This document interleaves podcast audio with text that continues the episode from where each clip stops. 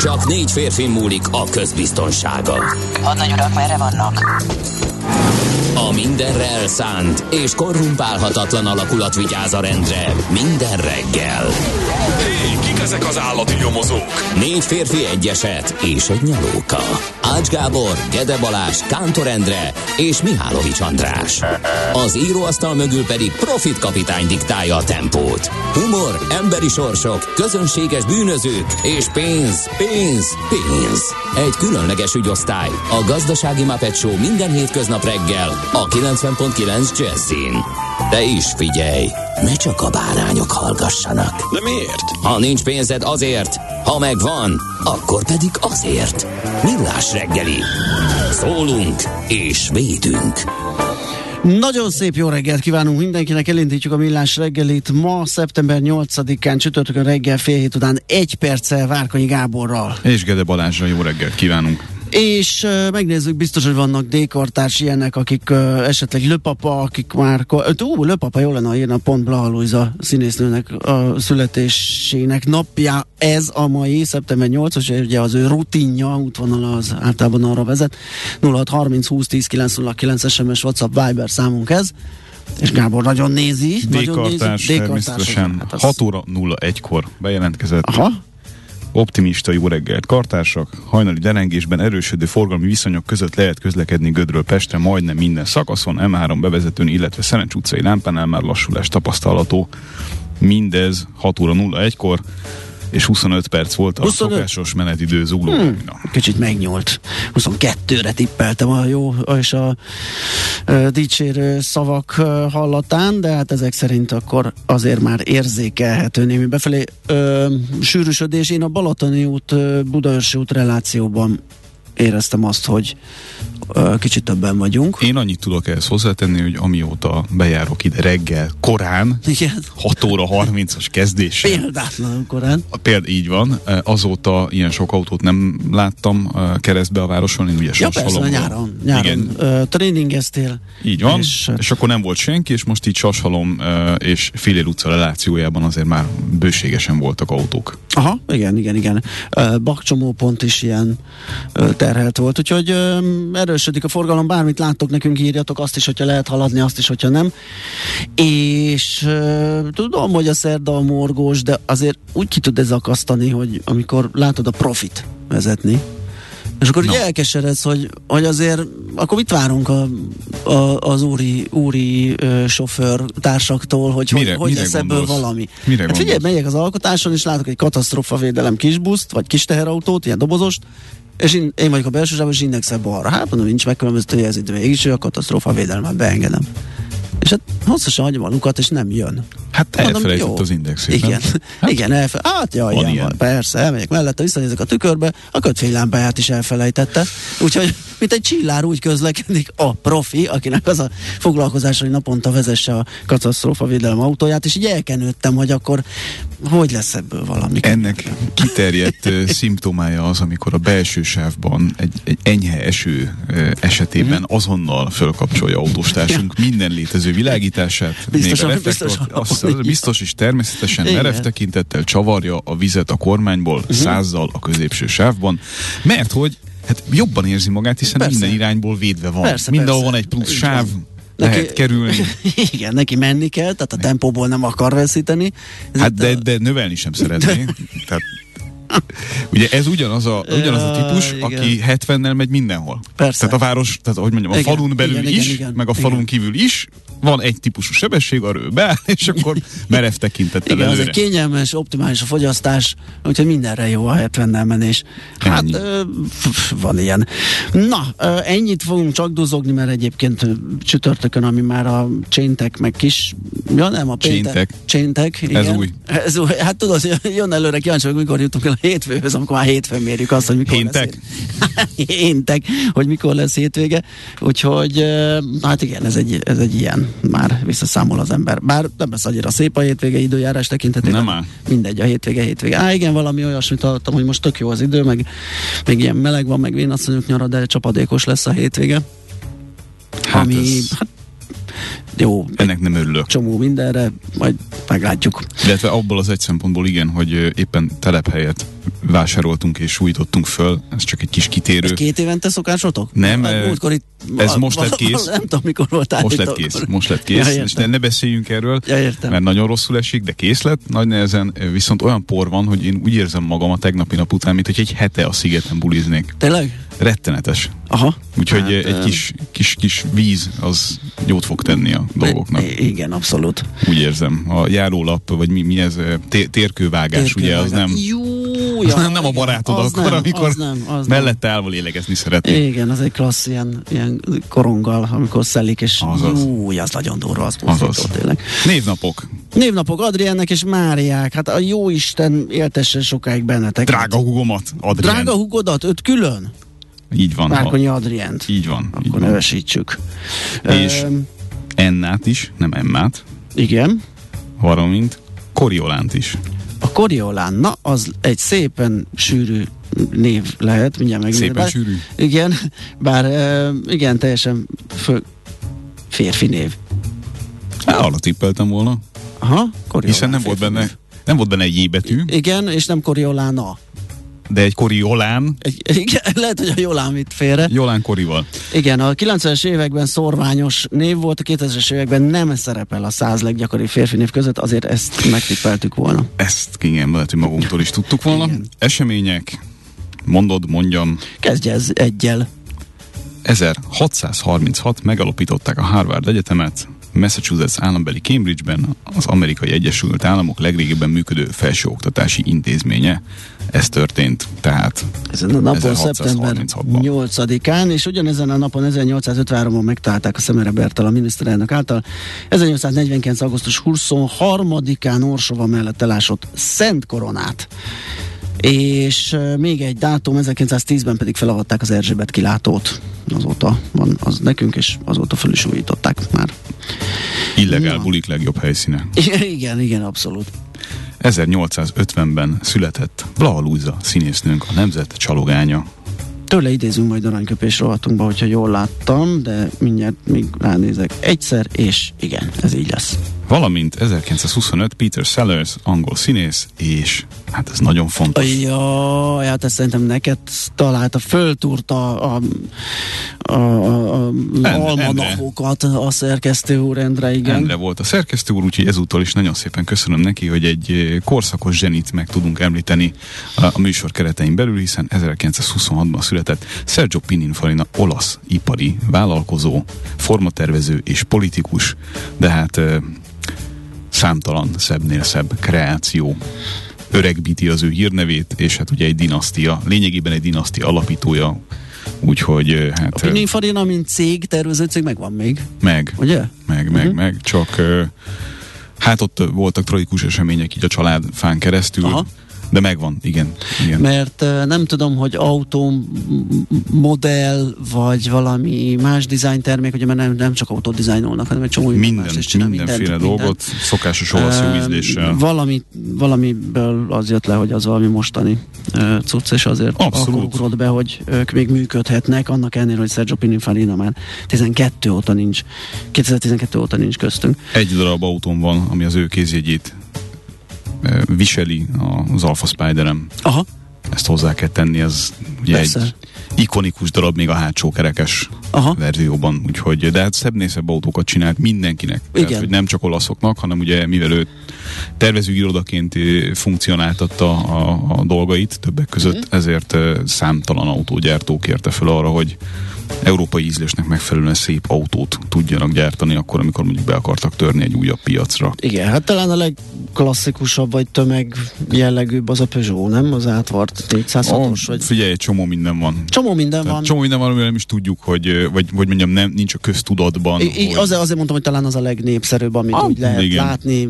és, és nem olasz, igen. És nem olasz, és, ö, És ikonikus és, és forma. ikonikus, és abszolút, de tényleg, de, de ez, ez, ez, ez a zsenie, hogy gyakorlatilag két tolvonással úgy rajzolta át azt a modellt, hogy egészen mást mond, és ö, tök jól néz ki. Az- Vagy az- jobban néz ki, mint az eredet. Az a csodás az olaszokban, hogy ahogy ezeket a dolgokat csinálják, ugye ez a, ez a könnyedség, igen, ez igen, egyszerűen a átjön. jövő valahogy, pedig hát nyilván nem, mert akkor mindenki, mindenki tudna ilyet.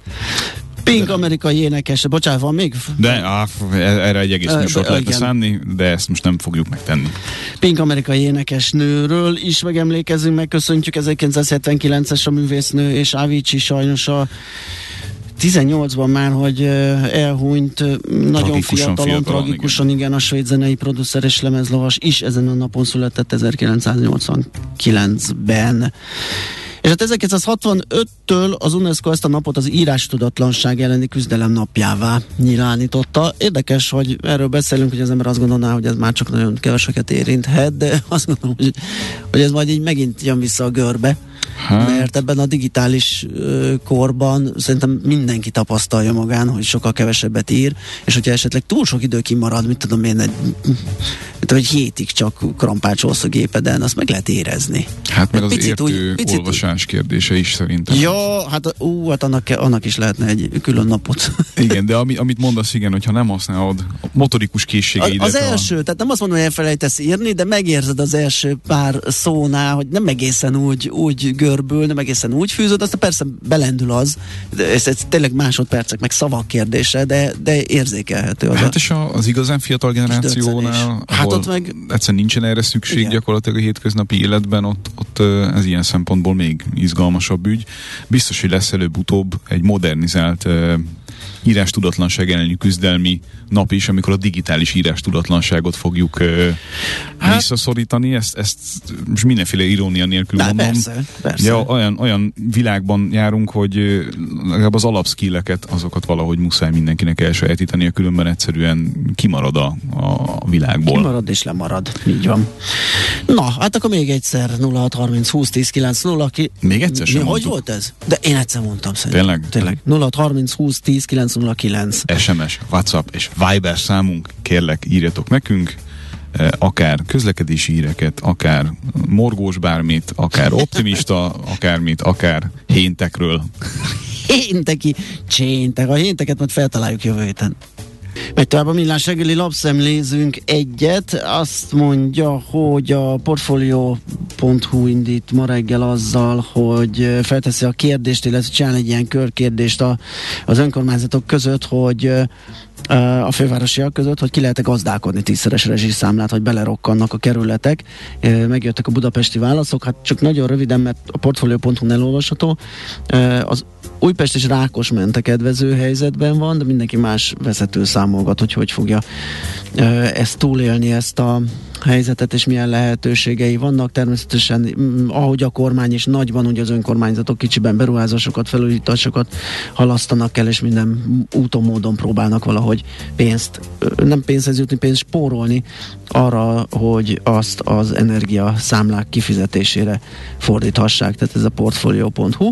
És még ugyan itt Szankciók, szankció Magyarország ellen ugye, Igen. jogállamisági eljárás, illetve az ezzel összefüggő kérdések, amiről elméletileg szeptember 21-én fog dönteni az Európai Bizottság, és ezzel kapcsolatban fejtegetik a lehetőségeket, illetve az esélyeket a portfólió cikkében. Hát én azért azt tippelném, látva a dolgok állását, hogy erre a pénzre azért nagyon nem kell számítanunk szerintem. Hát igen, erősen úgy néz ki. Ami viszont eléggé zavaros helyzetet fog teremteni, vagy még zavarosabbat, még nehezebbet az elkövetkező hónapokban, de hát majd meglátjuk. A 24.hu azt mondja, hogy tarvágás nincs, de csak, a, de csak mutatóban maradt fa a Balatonfüred feletti fennsíkon. A Bakonyerdő ZRT Balatonfüred körzetében nagyrészt vágásos üzemmódban kezeli az erdőket, ami civilek szerint lényegében a tarvágás, egy eufemisztikus megfogalmazása. Erdővédők egy csoport, csoportja évek óta monitorozza, hogy a kitermelt akár Natura 2000-es területeken mennyire képes regenerálódni az erdő, az eredmény pedig siralmas. A mintaterületen végzett számítások alapján 8 év múlva az előírt 4000 helyett pár száz fa jut majd egy hektára, miközben megindul a szavannásodás, hát reméljük ez elkerülhető. A 24.hu ír erről. Egyebed? Hát igazából az a helyzet, hogy úgy tűnik, mint hogy egy kicsit több lenne a bulvár, mint, mint szokott lenni, mert hogyha a két fő témát, illetve a háborút nem érintjük, akkor gyakorlatilag csak, csak a bulvárosodás van. Nem mond már, most ráment a Telexre, és azt mondja, hogy igaz, ez még tegnap esti, valaki mondja meg, Vénusz vagyok, vagy tehén, vagy mindkettő, vagy egyik se. Tehát nem bulvár. nem tudom, ez miről szól, de a cím alapján elég kemény. Cím alapján nem kerül be a lapszemlébe, úgy érzem. Nem, igen, hanem megnézzük, hogy mondjuk ma reggelre esetleg valami, valami történt, de most így hirtelen. De itt van. Azt mondja, hogy a legritkább elemből legfeljebb csak néhány gram létezik a Földön. Ezt gondolták korán reggel publikálni a telexesek, és gyakorlatilag azt mondja, mindjárt megmondom, hogy miről van szó. Van itt foszfor, meg francium, meg dubnium. Hát ezt is rábízom a vegyész beállítottságú és kémiai érdeklődésű hallgatóknak, hogyha gondolják, akkor a Telexen ezt nézzék meg. Szerintem tovább ballagunk zenélünk egyet, és utána megnézzük, hogy a tőzsdéken mi volt, mit szólsz, vagy találtál valamit? Hát szerintem az Index híre, illetve beszámolója arról, hogy az Inában történt visszaélések kapcsán e, milyen feszültségek alakultak ki ismét e, Magyarország és Horvátország között pontosabban hogyan gondolják megoldani ezeket a kérdéseket úgy, hogy e, fölajánlotta lemondását a horvát olajipari vállalat igazgató tanácsának az elnöke, aki magyar, ugye Fasimon uh-huh. Sándor, aki nem vett részt természetesen ezekben a visszaélésekben, amivel vádolnak néhány uh, INA munkatársat, de hát ennek ellenére itt ugye nyilván valami fajta következménye kell, hogy legyen annak, hogy éveken át zajlott egy elég jelentős visszaélés a horvát MOL testvérnél, vagy Igen. leányvállalatnál, vagy minek nevezzük ezt jelenleg. Aztán, ha már index, akkor itt vannak az új iPhone 14-esek, tegnap volt a bemutatója, erről én többet most nagyon nem mondanék, mert hogy 9 óra után IT rovatunkban, majd Pápai Péter az iFetter.net szerkesztőjével fogunk erről beszélgetni, tegnap volt a nagy leleplezés, hát... Jó drága. A, jó drága, és csak két sort olvastam a nemzetközi sajtóban erről, hogy körülbelül annyira, annyira semmilyen volt a fogadtatása, mint amilyen az iPhone 6S-nek, ugye az, az ott egy nagy uh, Figyelj, ezt volt. tudod jól, hogy én erre nem tudok mit Ja, mondani. tudom, mert én sem ennek az ökoszisztémának vagyok a részete, meg semmelyiknek, ahogy elnézem. De, ugye. mert van egy ilyen tabletem, ami... Jó, de telefonban, telefonban egy, egy, telefonban. egy, egy körvonalazhatatlan... Egy uh, saját univerzumban élek. Egy saját univerzumban. Igen, egy uh, butafonddal. Na jó, szóval az iPhone-ról 9 óra után fogunk említést tenni, zenélünk, utána megnézzük, hogy a tőzsdéken mi történt tegnap. Hol zárt? Hol nyit? Mi a sztori? Mit mutat a csárt? Piacok, árfolyamok, forgalom a világ vezető parketjein és Budapesten. Tőzsdei helyzetkép következik. Na nézzük, mi történt a budapesti értékbörzén. Van előtted egy, egy ilyen, vagy pedig megkeressük, mert jót eldumáltunk. Nincs a... előttem egy ilyen. az, haragudj, mert nagyon fontos dolgokról beszélgettünk. Az Abszolút, igen. A, ami, de egyébként talán, amit előre is vehetünk, nem is feltétlenül a tőzsdét, hanem a forintnak az irgalmatlan menetelését. Mi ennek az oka? Mert hát Vagy mit mondanak uh, erre? Mi a jelenlegi 396? A legfrissebb hírek szerint. Igen, hát és Gyakorlatilag nap még volt 404 is. Takra ugyanott, ahol a dollár, Igen. 396, Hát ugye ez az euró, európai, összeurópai ö, mozgolódás, az energia számlák ö, egyébként akkor már itt is ö, adunk egy promót, mert hogy ezzel fogunk foglalkozni. Mondom, 418 után megy a Attilát, a Portfolio.hu vezető elemzőjét ö, fogjuk majd arról fogadni, hogy hogyan képzeli, vagy hogyan kezelni az energiaválságot Brüsszel, és erre jöttek olyan uh, hírek, amire hát nem csak a forint erősödött, hanem az olajat is megcsapták lefelé, a gáztermékek, de olyannyira, hogy ugye esett a holland, amit mi nézünk, de áthúzódott még az amerikai Henry Habot is. De most uh, a sapkára lefelé. gondolsz? A sapkára, az ársapkára, igen. Meg. Amire ugye egy elég kemény riposzt is jött. Hát de nagyon gyorsan Vladivostokban uh, Vladimir Vladimirovics éppen szakértett egy gazdasági fórumon. Oda csapott egy nagyot a matrioska babával. Mind. Hát az nem úgy hogy belekotortok a szerződésembe, hát lehet itt sapkázni, majd akkor nem adok gázt. Úgyhogy egyelőre egy picit... Tehát sapka nélkül fagyunk meg. nagyon, nagyon jó lesz egy szár pendelyben. Úgyhogy majd ennek a hátterét meg fogjuk beszélni, de közben én megleltem azt, hogy mi történt a Budapesti értékbőrzén, csökkent 7 ponttal De ez nem igaz, az a baj. Um, mert hogy ez, ez, ez, ez, ez nem egy mostani állapot. Tehát, ne, tehát akkor nem csökkent. Tehát akkor nem csökkent. Uh, Vagy nem tudjuk. Amerikában, Amerikában egy komolyabb mene- menet volt, és Európa, vagy a Buxban is fölfelé mentek a papírok, hát ez az, hát az OTP-t olyat húztak, hogy csak közel 3 kal mert hogy hírek jöttek arról, ugye, hogy a szlovén akvizíció hamarosan zárul, és ennek megörültek a befektetők. Szóval a lényeg, tegnap Budapest értéktős, de Bux 1,1%-os emelkedés, 441 pontos többlet, 41.292 a záróérték. A forgalom még mindig nem jött meg, 6,1 milliárdért kötöttek, ugye azt szeretjük látni, hogyha 10 milliárd van, akkor lehet elmondani azt, hogy az egy legalább átlagos, hanem is olyan nagyon erős, úgyhogy ez még kicsinke. És ahogy elmondtam, az OTP húzott a legjobban közel 3%-kal 8680 forintra, a MOL 6% kal esett, hát nyilván ugye az eső olajárak mellett 2684 forintig, meg hát ugye a fene tudja, hogy majd hogy hat ez a hát egy ilyen, európai szintű extra profit elvonásban is gondolkodik Brüsszel, úgyhogy még ez Tehát is akkor mégis van extra profit? Nem így fogalmaztak egyébként, hanem a váratlanul jött, ugye ez a... Ez Váratlanul a, ez jött a, profit. Igen, igen, igen, ez a windfall, azt hiszem, így, így hívják. Uh, igen, az extra profit az ilyen marxista, bizé-bizé. A, Hú, hát attól nagyon, de attól a nagyon tar- tartsuk távol magunkat. de a tartalma, vagy a lényege ugyanaz. Magyar Telekom az 50 fillérrel esett 323-ra, egy 40 milliós forgalomba, és mi van még a Richter? Ott ö, 125 forintos emelkedés volt 7 7790 forintig. És akkor van nekünk a kisebb piackánk, az X-Tend. Ö, Ezt itt látsz valamit? Én azért nem látok semmit, mert hogy én nem látok linket. Tényleg? Aha, az Na majd a adásmenetben. szerkesztő úrnak ezt megmondjuk, hogy ezt ne így csináljuk. Akkor Illetve elmondom. látok, csak kell hozzá valami, amivel uh-huh. nem tudom megnyitni. Valamilyen képesség. amivel nem rendelkezem. A Polyduct ment nagyon nagyot, 26 ot ez azt jelenti, hogy 3450 forinttal lettek drágábbak a részvények, 16500 forint. A napenyerté 3% kal emelkedett 7 milliós forgalomban 1290-ig, az Ébdufer esett 1 kal és a Cyberg esett 4 kal még ezek voltak említésre méltók.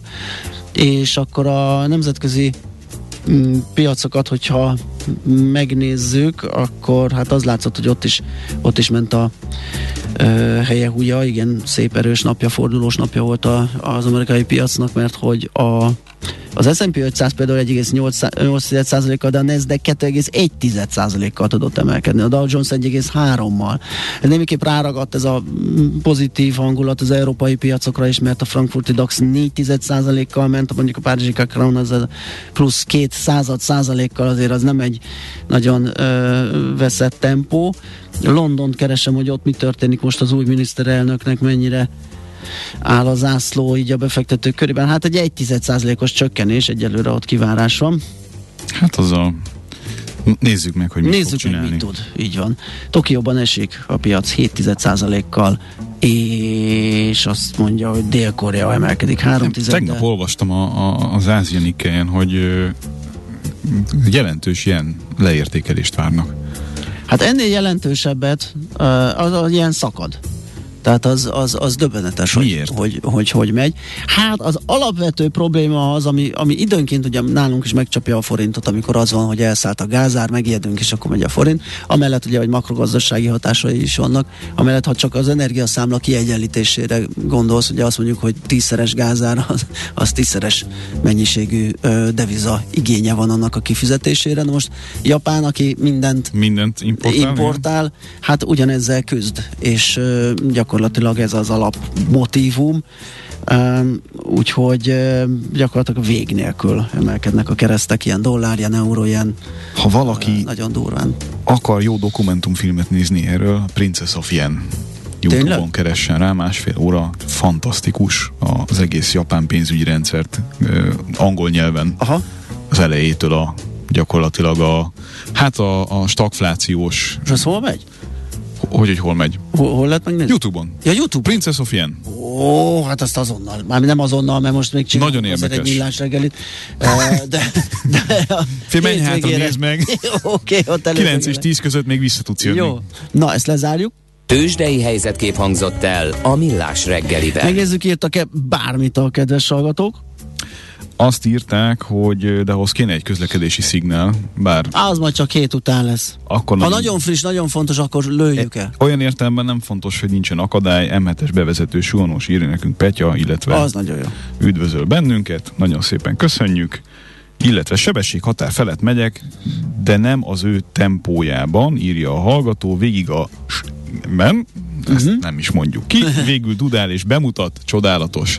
Ja, ezt igen. gondolom a, Igen, arra, hogy a morgós csütörtök a reggelünk morgos úrvezetők közlekedési vonatkozásaira, igen. Szokásai, igen, és hirtelen felugrott az, akivel mostanában viszonylag sűrűn találkozok, és nem értem, hogy Ö, nem Van- megy gyorsan. van egy állandó lámpán. embered, vagy? Nem állandó ember, egy állandónak vagy állandósuló jelenség, amikor nem megy.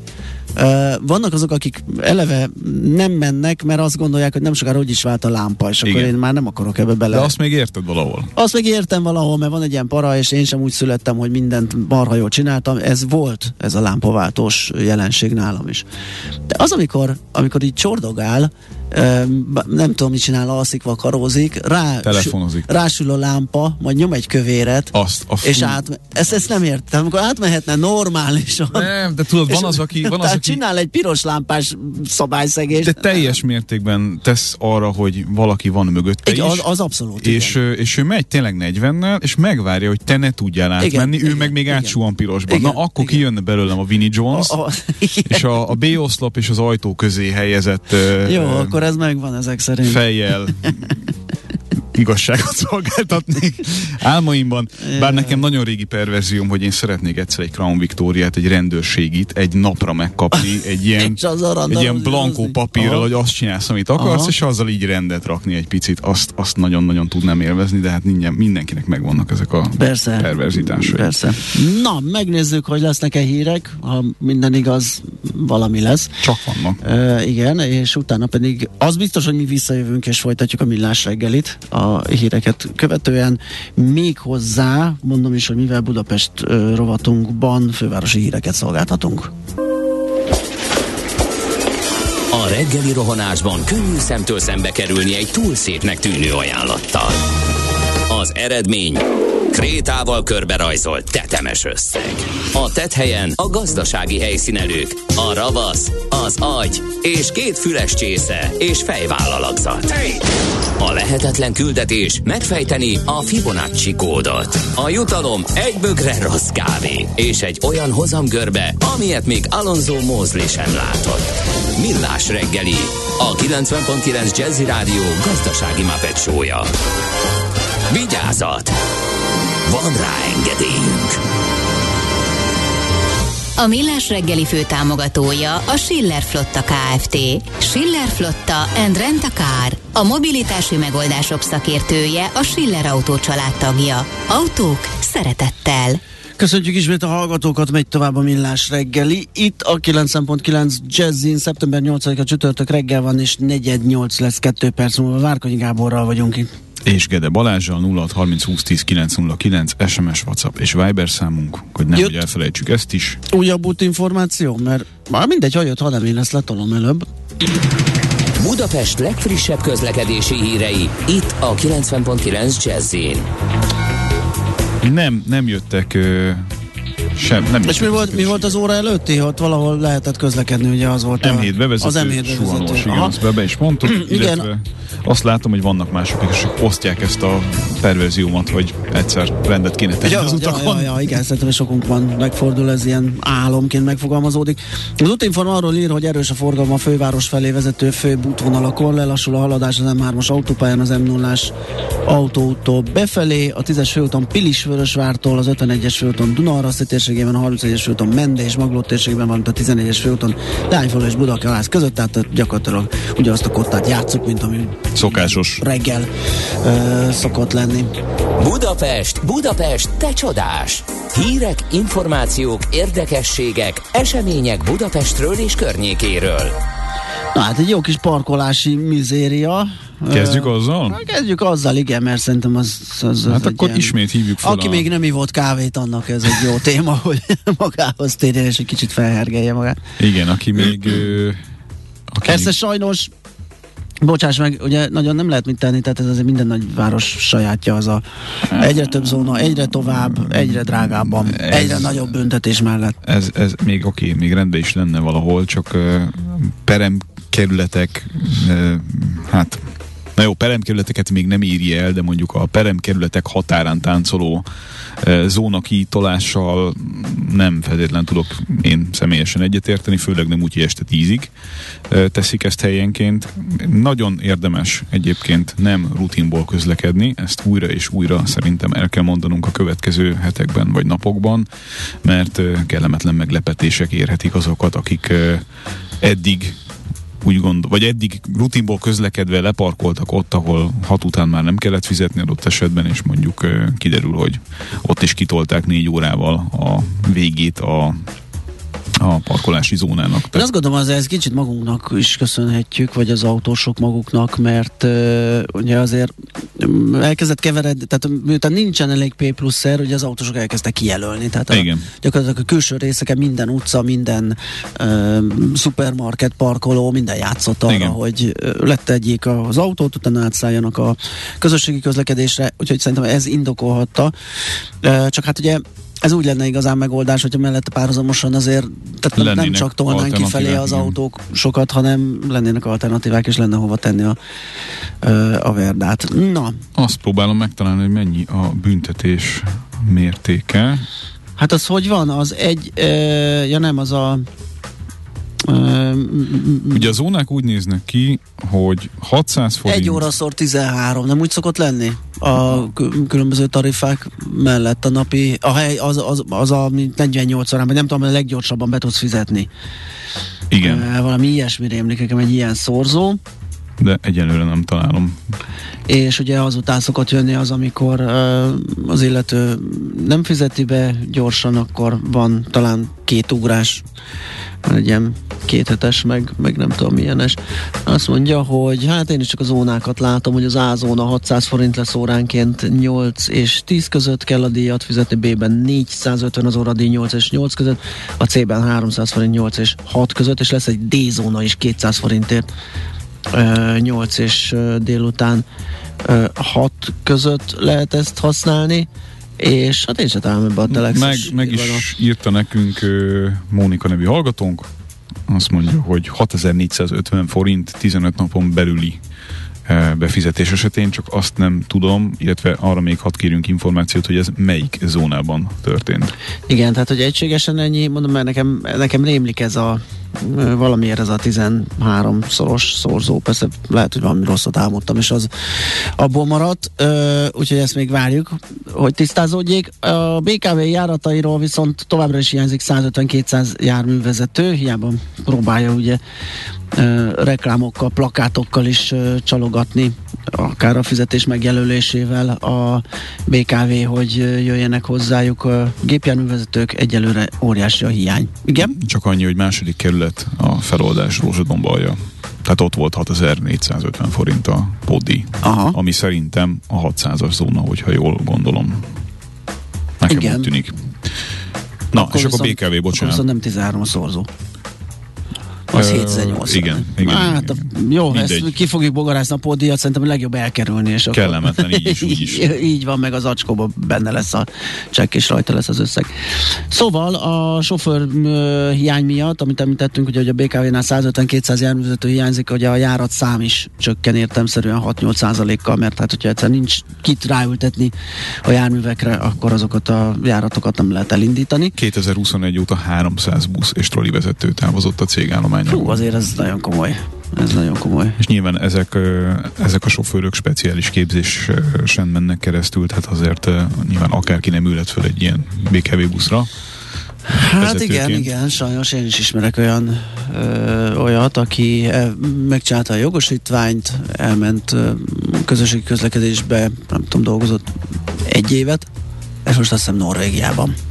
Buszsofőr, jó sokért. Valószínűleg egy kicsit igen, magasabb érezéssel. Igen, igen, igen. Egyébként a BKV-s forrásai a Telexnek azt mondták, hogy nyáron havonta 30-40 fővel csökken a sofőrállomány, tehát nem javulna egyre ö, ö, nagyobb a probléma, és hát ugye akik ilyen tapasztalattal rendelkeznek, azok elmennek ö, kamionozni, vagy GLS-ezni, ahogy hívják a kis csomagszállítást, és uh, nyugodtabb körülmények között nem kell tuszkolódni a megbolondult utasokkal időnként, ugye hallunk, hogy mi történik hát meg azért rettenetesen nagy felelősség, hogy hát ott van a, a, a, a buszodon rengeteg ember, Igen. Azok, azok élete lényegében a te kezedben van. Úgyhogy akkor még futod ugye a már említett jóképességű vezető ket, akik nem, nem, egyszerűen nem mérik fel, vagy nem figyelik, hogy busz van mellettük, mögöttük, előttük, ugyanúgy mm, váltanak sávot, vagy vágnak elé, mint hogyha az egy személyautó lenne. Azt, azt rendszeresen látom mondjuk a Rákóczi út típusú helyeken, ahol párhuzamos sávok futnak, és ugye a buszsávból kellene lekanyarodnod a, a környező utcákba, hogy ö,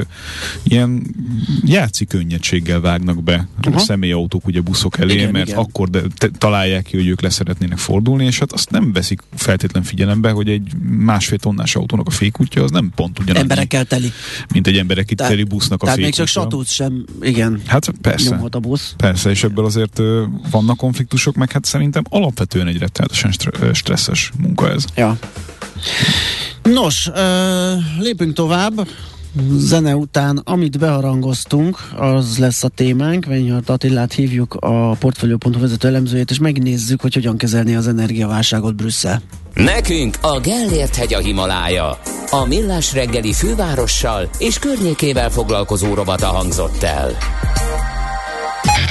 Ezt tudtad? A Millás reggelit nem csak hallgatni, nézni is lehet. Millásreggeli.hu Benne vagyunk a tévében. Na most kérem szépen egész komoly hatása volt, hogy azt a tőzsdei összefoglalóban is elmondtuk az olajra, olajárakra, gázárakra, a tegnapi brüsszeli javaslat csomag, ugye az majd valahogy, talán most pénteken kerül a, a végső elfogadásra, elég gyors a tempó, de ez még mindig javaslat egyelőre, hogy ahogy kezelni Brüsszel az energiaválságot. Ezt Reinhardt Attilával, a Portfolio.hu vezető elemzőjével fogjuk megnézni, hogy mi az irány. Szia, jó reggelt! Jó reggelt! Szia. Sziasztok, jó reggelt, és köszöntöm a hallgatókat is. Na, hogy is van a menet? Ugye pénteken került talán az energetikai miniszterek tanácsa elé, vagy hogy van ez a, hogy lesz ebből valami? Igen, a cseh soros elnökség péntekre 9-ére hívott össze egy rendkívüli miniszteri tanácskozást, Aha. energiaügyi miniszterek a különböző tagállamokból, és hát ugye a bizottságnak van javaslattevő szerepe az Európai Bizottságnak, és ezért állt a kamerák elé Ursula von der Leyen tegnap déli órákban bár ezért ez egy kicsit meglepő volt, mert hamarabb jelentette be ezt az öt pontból álló javaslatot, mint hogy egyébként a tagállami ö, nagyköveteknek az, az ebédjén ezt elmondta volna. Ö, tehát ez egy kicsit ö, felborította a menetrendet. Nyilván itt ö, a narratívának a meghatározása és egyéb diplomáciai nyomásgyakorlás és, és számos egyéb szempont is felmerülhetett, hogy ez miért így alakult. Egyszerre egyébként három fontos egyeztetés is zajlott Brüsszelben pont ugyanerről a témáról, tehát egy kicsit kaotikusra sikerült a nap, de hát ugye ez annyira nem meglepő, mert ugye egyrészt rendkívüli jelentőségű a téma, másrészt ugye azért nagyon sok érdek feszül egyszerre egymásnak, és ebben valahogy valamiféle rendet kellene tudni vágni, és hát ugye az egekben lévő energiaárak azért nagyon súlyos gazdasági következményekkel járhatnak, tehát itt viszont rendkívüli és gyors beavatkozásra lenne szükség. És hogy látod, Attila, hogy, tehát, hogy mondjam, kellő súlyjal és, és erővel próbálnak az ellen dolgozni, hogy leálljon a teljes európai ipar, vagy, vagy itt még mindig megy a mismásolás? Nagyon nehéz a kérdés, mert ugye egyszerre kellene nagyon gyorsan az árakat valahogy észszerű magasságok irányába terelni, tehát jelentősen. Vagy mélységek irányába. Mélységek, igen, így értem, hogy gyakorlatilag leszorítani nagyon jelentősen. De közben ugye ez egy nagyon komplex uh, téma, és ugye azt azért a, a nagy kapkodásban el kellene tudni kerülni, hogy a, a beavatkozásnak tovább, olyan tovagyűrűző negatív hatásai legyenek, amit nem szándékoltak, vagy, vagy esetleg pont azt tesz tönkre olyan egyéb célokat, akár a megújuló energia terjedésével kapcsolatos célokat, klímaváltozási elleni küzdelem, stb. stb amely tehát igazából végül is összességében csak visszaütne. Uh-huh. És ugye azért itt a határon átnyúló együttműködések szintén bonyolítják a kérdést, hogy most egy adott erőmű, amelynek adott esetben a profitját, az árbevételét akarnák korlátozni, annak ugye azért a, a tulajdonosi háttere az nem mindig ugyanabban az országban van, csak ahol éppen maga az üzem működik. Tehát itt azért a profit elvonás vagy, vagy korlátozás az azért rögtön egyszerre több ország tulajdonosi csoportját érinti, tehát ezek írdatlan bonyolult témák. Nézzük meg, nézzük meg a konkrét javaslatokat, mert ez már az egyik, ugye, amit most említesz, ez az extra profit elvonás. Igen, tehát ugye itt ennek a javaslat, tehát öt javaslatot jelentett be az Európai Bizottság elnöke, ebből egyelőre a jelen, jelen tudásunk szerint nagyjából kettő az, aminek esélye van, hogy azért mind a 27 tagállamnak a, a, a szavazatát megkapja.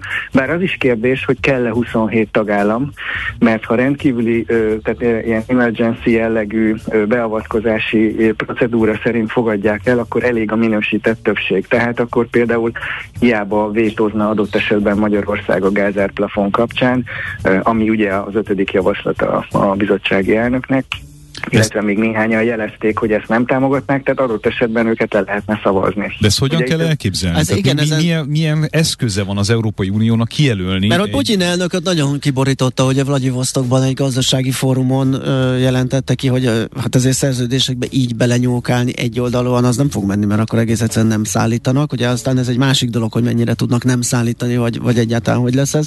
De ezt hogy kell elképzelni? Ezt a, hát hogyan tudja diktálni az Európai Unió a vevő. Egy, egy, egy, a vevő az árat? Gyakorlatilag azon keresztül, amit az előbb említettetek, hogy azért, azért ezeknek a gázmezőknek, amik több évtizeden működnek, azért nem, nem igazán lehetséges a fizikailag a nullára folytása. Aha. Uh, és ugye a, az orosz export ugye több évtizede az Európai Unió irányába van kiépítve vezetékes hálózatokon keresztül, és a távol-kelet, illetve dél-kelet-ázsia irányába nem, illetve csak nagyon korlátos az a vezetékkapacitás, például az orosz-kínai kap- vezetékkapacitás, Uh, ahhoz képest, mint amit az Európai Unióba adtak el az elmúlt években, évtizedekben. De nagyon erősen visszafogni a kitermelést, vagy a szállítást azért lehet annyira, hogy az fájjon? Lehet, igen. Hát nyilván ugye ennek van egy környezetvédelmi következmény, ugye ez az elfákjázás kérdésköre, hogy az a, az a gázmennyiség, ami feljön a föld alól, és ugye nem akarják eladni az oroszok, vagy nem fogják eladni, az a valamit kezdeni Ez kell. már a finneknek nem szállított gáznál, ugye az a... Finn határnál látható Igen, ott működik. Igen, tehát hatalmas lángalég, ugye az, amit nem adnak, nem táplálnak be az északi áramlat egybe ott a portugaliai kompresszorállomáson. Igen, tehát hogy ezek a következmények azért felmerülnek. Tehát összességében a, az EU-s vezetőknek ott van a fejében az, hogy az oroszoknak is érdeke, hogy valamennyi gázt eladjanak. Na most ugye az oroszoknak meg az az érdeke, hogy azt a valamennyi gáz csillagászati összegen adják Persze. el, hiszen ez gyakorlatilag az elmúlt hetekben számos alkalommal nyilatkozták is, hogy tovább fognak felfelé menni az ára. Így tehát gyakorlatilag ők bőven a pénzüknél lennének, csak mondjuk, mondjuk ötöd annyi gázt adnak el 15-szörös áron, akkor nyilvánvaló egyszerű matematika, hogy bőven pénzüknél vannak, és ugye ez az, amit nem szeretnék, hogy az EU korlátozza számukra, hogy a pénztárcájuk ugye felső korláttal rendelkezzen a gáz export terén.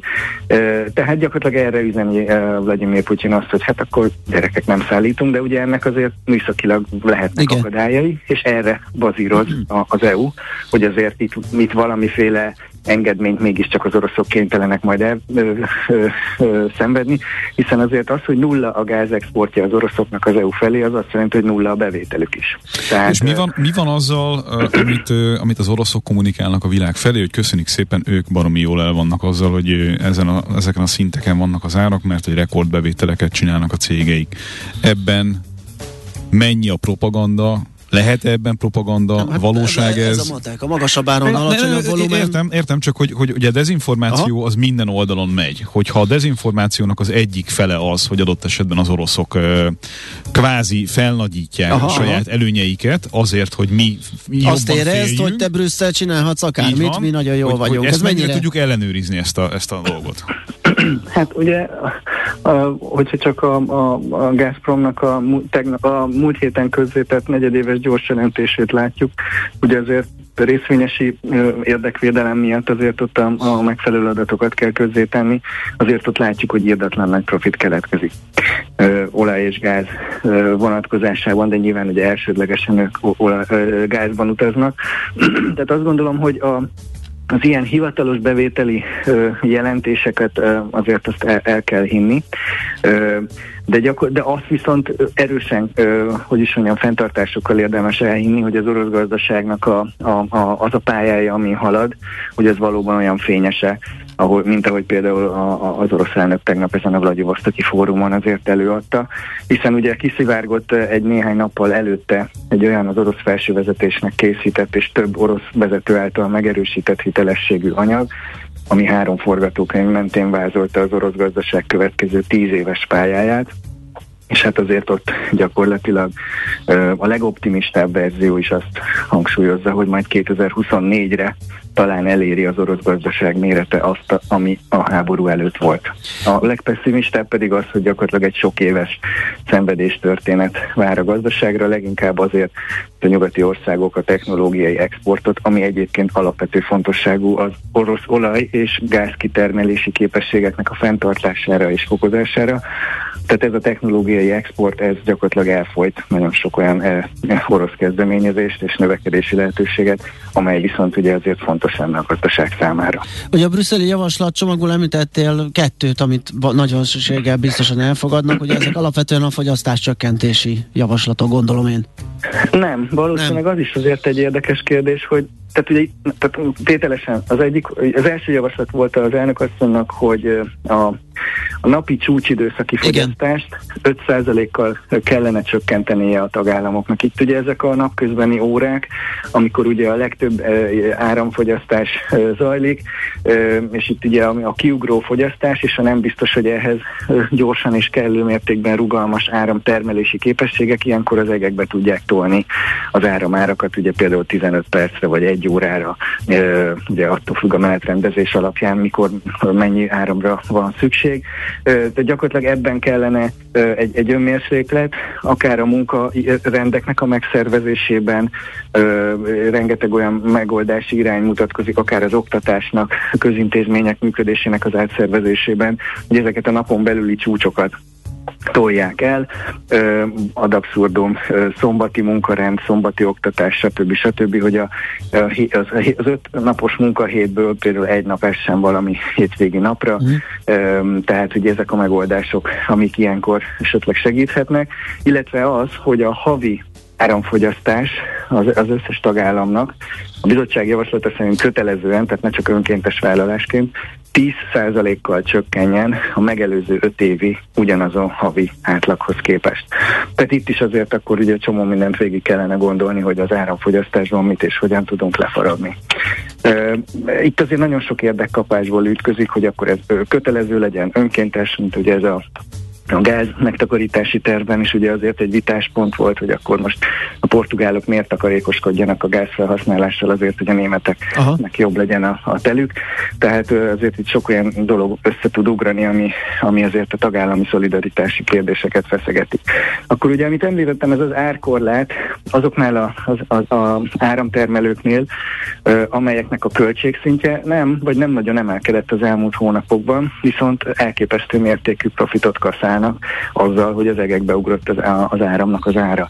Tehát például egy naperőműnek, szélerőműnek, egy nukleáris erőműnek a, az áramtermelésére kell itt gondolni. Ugye a költségszintjük nem nagyon nőtt, az árakat pedig, hogy hát ugye be tudják zsebelni, és ugye erre a kiszivárgott infók szerint 200 euró per megawattóra lenne ez a felső korlát, miközben ugye jelenleg is 5-600-700 euró a különböző európai áramtősdéken az áramnak a, az ára.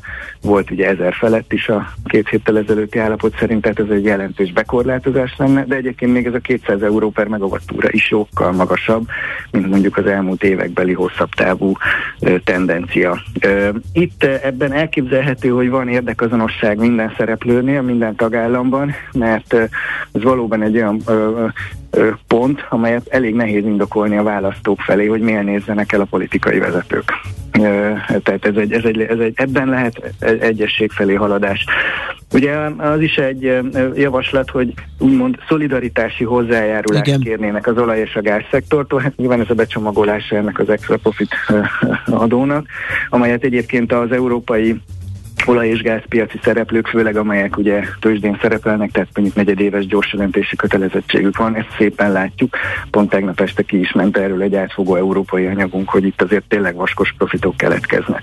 Ö, ö, ami ö, úgy tűnik, hogy ta, teljes tagállami támogatást élvez, ez az azonnali likviditási segítség az energiaszolgáltatóknak, közműcégeknek, ö, hiszen ezek az elképesztően magas energiaárak, ezek azt is jelentik, hogy ahhoz, hogy egyáltalán valaki be tudjon lépni a tőzsdére és ügyletet tudjon kötni, nagyon magas a fedezeti követelménye egy-egy ilyen ügyletnek, a, amit mellé úgymond le kell tenni pénzügyileg, hogy, hogy egyáltalán piacra tudjon valaki lépni, és illetve, hogy a meglévő pozícióit tartani tudja, amikor naponta akár 10-20 százalékos mértékű elképesztő volatilitás látszik a különböző termékekben itt ilyenkor ezek a fedezeti követelmények is az égbe szállnak, és hát ugye azért ezek az energiaszolgáltatók is likviditásilag ezt nem bírják, vagy nehezen bírják, és itt kellene az állami támogatási szabályokat olyan szinten lazítani, hogy az államok úgymond a hónuk alá tudjanak nyúlni ezeknek a megrodjan cégeknek, hiszen gyakorlatilag napi szinten hallunk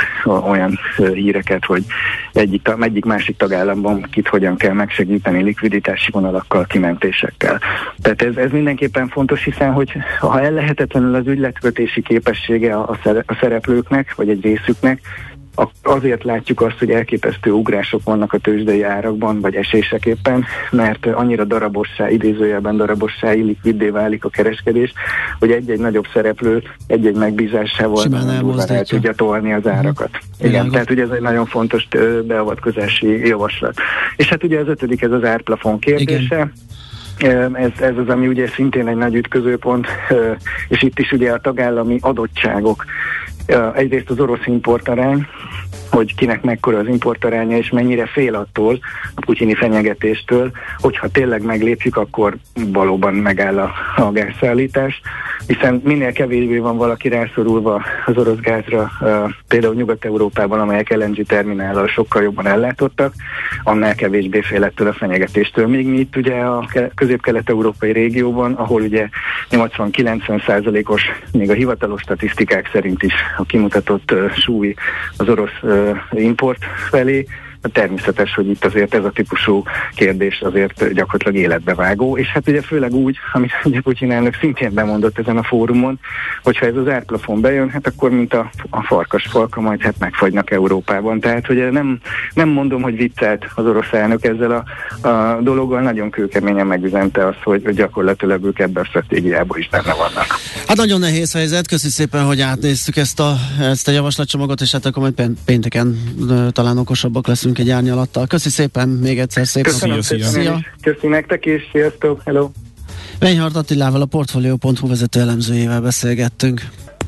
Nos, megyünk tovább a millás reggelivel, méghozzá egy izgalmas témával a Master Plus Troll, Master Plus tal beszélgettünk, mindig izgalmas, mert egy igen jó uh, produkáló cég a budapesti értéktősdén, és uh, az a szerencsénk, hogy ők, bennük meg lehet bízni, folyamatosan jó híreket hoznak, úgyhogy uh, tulajdonképpen az optimizmust azt ők sugározzák, minden más egyéb, amit a külpolitikában, külvilágban, energetika fronton zajlik, az bizony sokszor elkeserítő. Úgyhogy most is ezt tesszük. Itt van velünk, ha minden igaz, Tibor Dávid, a Master Plus nyerti elnöke. Szervusz, jó reggelt! Jó reggelt!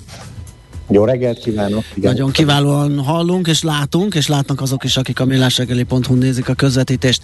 Na, a legfrissebb hír, hogy szerintem el lehet mondani, hogy egy, egy, egy szintet lép, vagy ugrik, nem is tudom, a, a Master Plus, ugye egy új, gyakorlatilag azzal az elit termékkörnek a gyártásának a beindításával, ami hát a szigetelő piacnak a, nem is tudom, a fája és omegája és mindene, az ásványgyapot hőszigetelésről van szó. Hogy lesz lesz ez, mikor indul pontosan a termelés, mit kell tudni erről, mekkora piac, mire számítotok?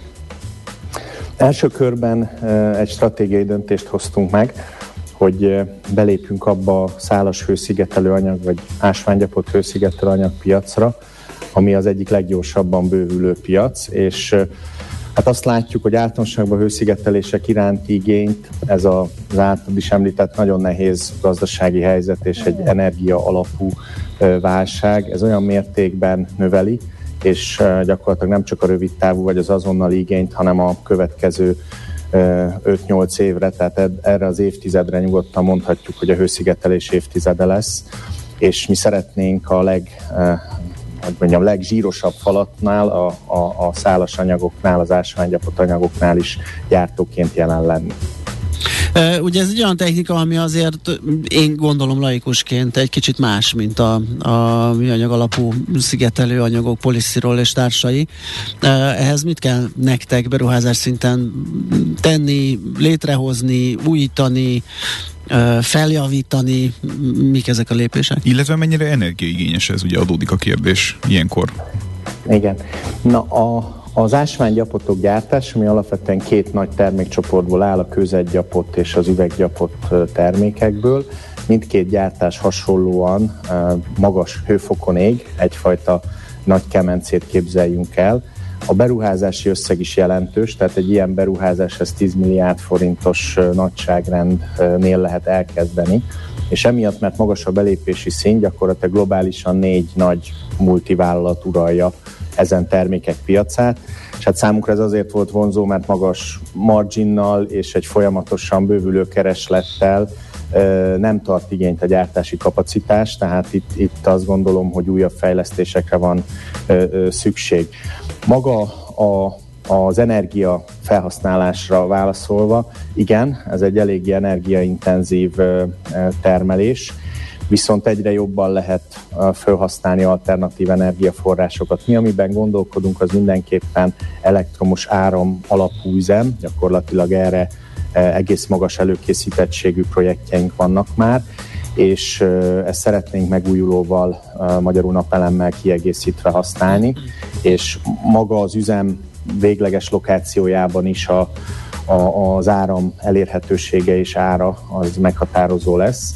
Úgyhogy én nagyon remélem, hogy a projekt előkészítése az régóta zajlik, a stratégiai döntés most a tegnapi igazgatósági ülésen született meg, és én abban bízom, hogy néhány héten belül már a konkrét projekteket is be fogjuk tudni mutatni. Uh-huh. És itt minden megvan, ami mondjuk alapanyag szintjén kell ahhoz, hogy gördülékeny gyártás legyen? Kérdezem azért, mert ugye másról se szólnak a hírek az elmúlt két évben, mint hogy ez nincs, az nincs, amaz nincs.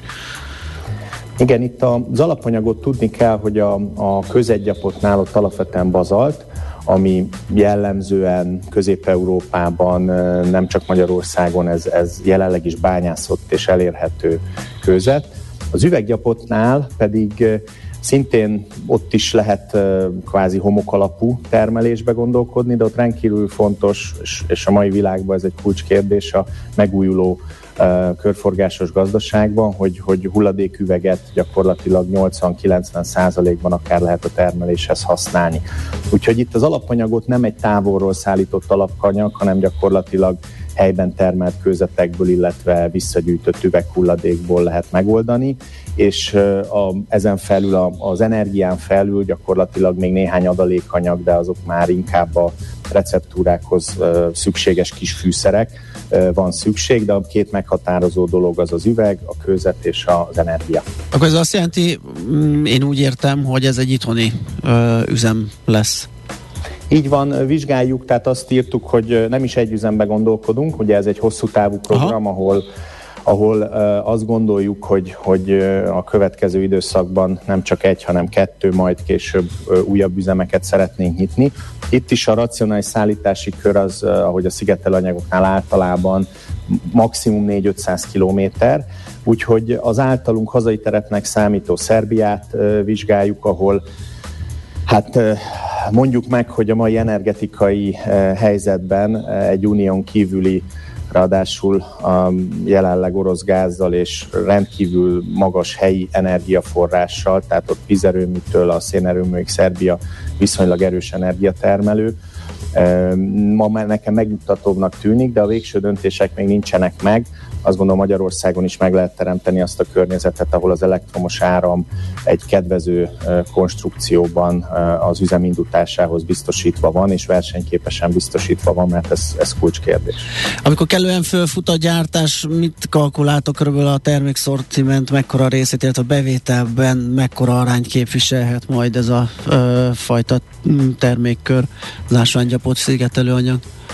Az ásványgyapot szigetelőanyagokat azt tudni kell, hogy nagyon jelentős az ipari felhasználás, mm. tehát azok a, a, az ipari csarnokok, amelyek most is folyamatosan épülnek, és talán ezen a területen nem is lesz akkora fékezés megállás, tehát ezek a jövőben is épülni fognak. Ott a födémszigetelés rengeteg mennyiséget visel. Én azt gondolom, hogy ha a program fut, és mondjuk már legalább két gyára működik ezen területen a Masterplastnak, akkor az árbevételben egy 10%-os, viszont az eredményben egy ennél nagyobb, én azt gondolom, hogy akár 20%-ot meghaladó szerepe lehet, mivel ezen termékcsaládoknak a termelősi marginja az vonzó és magas. Uh-huh. Ugye volt a napokban egy másik hír, az olaszországi gyárkapacitás bővítése. Itt mit kell tudni, mekkora az olasz piacotok, hogyan alakul? Ugye elég szép számokkal lehetett hallani, hogy ott is igen nagy ö, felfutásban van a Masterplast. Uh, itt mit kell tudni, hogy itt mire, mire mi a stratégia uh, része, vagy stratégiai szerepe az olasz üzemnek? Igen, Olaszország még, a, még az energiakrízis előtt, még a tavalyi év közepén elindította a, azt a, az országos hőszigetelő programot, ahol akár magánszemélyeknek, akár a vállalatoknak és közületeknek is egy jelentős adóvisszatérítést biztosított. Nem egy direkt közvetlen támogatás van, hanem azt mondja az állam a magánszemélynek, hogy a következő öt évben a személy jövedelem adótból leírhatod. Gyakorlatilag ez 110% volt, tehát az ajánlat az volt, hogy többet írhatsz le, mint amit energetikai hőszigetelésre költesz. Ez, ezáltal nagyon hirtelen robbant be a piac, és az olasz épületek Ugye főleg az időjárás miatt nem, nem jól szigeteltek voltak, de ugye egyrészt a szigetelés az nyáron legalább ugyanolyan fontos a klíma-energia megtakarítása szempontjából, illetve ezek a változékony telek azért őket is jobban érintik, és nagyon hirtelen robbant be a piac. Mi erre az üvegszövet termékünkkel és az egyéb homlokzati kiegészítő termékünkkel azonnal reagáltunk, és azt láttuk, hogy szigetelőanyag gyártásból is kevés van, Ugye ez a termék nem igazán szállítható, és ugye Olaszország logisztikailag is egy uh, félszigetként egy elég uh, érdekes ország, úgyhogy akkor döntöttünk úgy, hogy helyi gyárat indítunk, és ami most ugye friss információ, hogy, hogy a legkedvezőbb konstrukciót kiválasztva egy tartós bérletbe fogunk költözni. A gépek már gyártás alatt vannak, az év végével érkeznek, és a jövő év első negyedévébe beüzemeljük őket, és a terveink szerint márciustól üzemkész, és ott van még szükség néhány gyártási engedélyre, illetve a gyártás vizsgálata után kapjuk meg ott is a körforgásos gazdálkodás fontos Olaszországnak, ezért egy úgynevezett CAM certifikációt kapunk, ami azt jelenti, hogy vissza tudjuk dolgozni ott is a polisztirol maradékokat. Miért nehezen úgy, szállítható? Bocsánat. Úgyhogy rámozdultunk nagyon igen erre a piacra, és azt reméljük, hogy a jövő évre ez már egy 150 ezer köbmétert a kapacitás, éves kapacitás felé gyakorlatilag értékesíteni is fogjuk. Miért nehezen szállítható ez? Levegőt szállítunk, tehát a műanyag hőszigeteléseknek a, a sajátossága, hogy nagyon-nagyon könnyűek. Mm. Et, ettől is, hogy a maga levegő a legjobb hőszigetelő, és ettől is kvázi hőszigetel jól, és egy kamion értéke az viszonylag alacsony, és ugye a hőszigetelések pedig folyamatosan vastagodnak. Itt egy klasszikus hungarocell táblát képzeljünk el, régen 5 centit, 10 centit tettek, ma már inkább 15, de nem ritka a 20 centis hőszigetelés is. Tehát ugyanannyi négyzetméterhez több köbméterre van szükség, és a, a viszonylag alacsony értéke, ez egy kedvező áru hőszigetelőanyag miatt, hát maximum 300-350 kilométeren belül éri megszállítani. És mi történik e- ezekkel a dolgokkal, amikor véget ér a termék életciklusuk? Egyrészt mennyi időre lehet egy ilyennel tervezni, és hogyha már itt a körforgásos gazdaságról beszéltünk, akkor mi történik akkor, amikor ez lejár idézőjelben? Kétféle technológiát lehet megkülönböztetni. Az egyik az ilyen szerelt szigetelések, vagy szerelt rendszerek, ahol nincsen az anyag ragasztva, hanem mondjuk egy általában az XPS vagy közegyapott tábla, hanem, hanem külső homlokzatra mondjuk van egy fém fedés, vagy van egy természetes kőfedés. Ebben az esetben az anyag akár 20 év után is kimenthető és újra hasznosítható, mert nem sérül.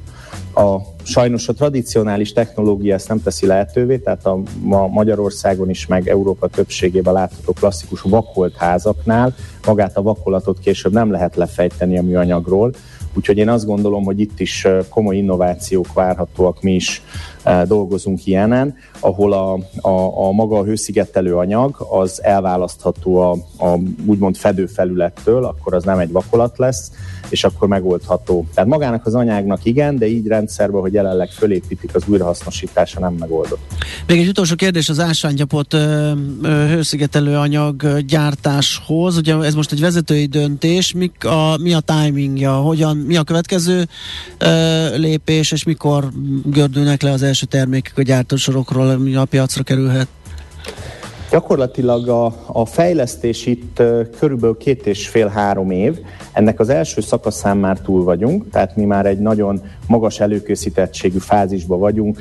A, a, azt is tudni kell, hogy szűk a technológiai szállítók köre, itt is már vannak előkészített megállapodásaink, tehát a technológiával, az előzetes tanulmányokkal megvagyunk. Én azt remélem, hogy a szeptember 20-án tartandó stratégiai prezentációkon már több konkrétumot is fogunk tudni mondani, de ambiciózusak vagyunk, és mivel az idő eddigi részében a munkát részarányosan elvégeztük, gyakorlatilag ez egy ilyen kettő-három éves időtartamon belül termelni tud, de erre is majd pontos számokkal jövünk. Oké, okay, várjuk, beszámolunk róla. Elnök úr, köszönjük, köszönjük hogy beszélgettünk. Szerbusz, szép napot a továbbiakban. Én is köszönöm, szép napot. Tibor Dáviddal, a Masterpass tenyerti elnökével beszélgettünk arról, hogy ásványi gyapott hőszigetelő anyagok gyártásába kezd a Masterplast, illetve egy kicsit felevenítettük azt a párnapos hírt, miszerint ö, Olaszországban pedig felpörgeti a gyártást a hőszigetelő anyagok terén a cég. Ja, hogy ennyi az idő. Hát ez... Bizony. Ez akkor azt jelenti, hogy ebben az esetben, hogy Czoller Andinak fogjuk átadni a terepet, hogy mondjon nektek híreket, és majd azt követően jövünk mi vissza. Hát most uh, autózás szágoldás, Porsche szerelem, minden lesz. Porsche a legkevésbé, de Toyota az igen. Itt lesz velünk Varga Zsombor, a Toyota PR menedzsere.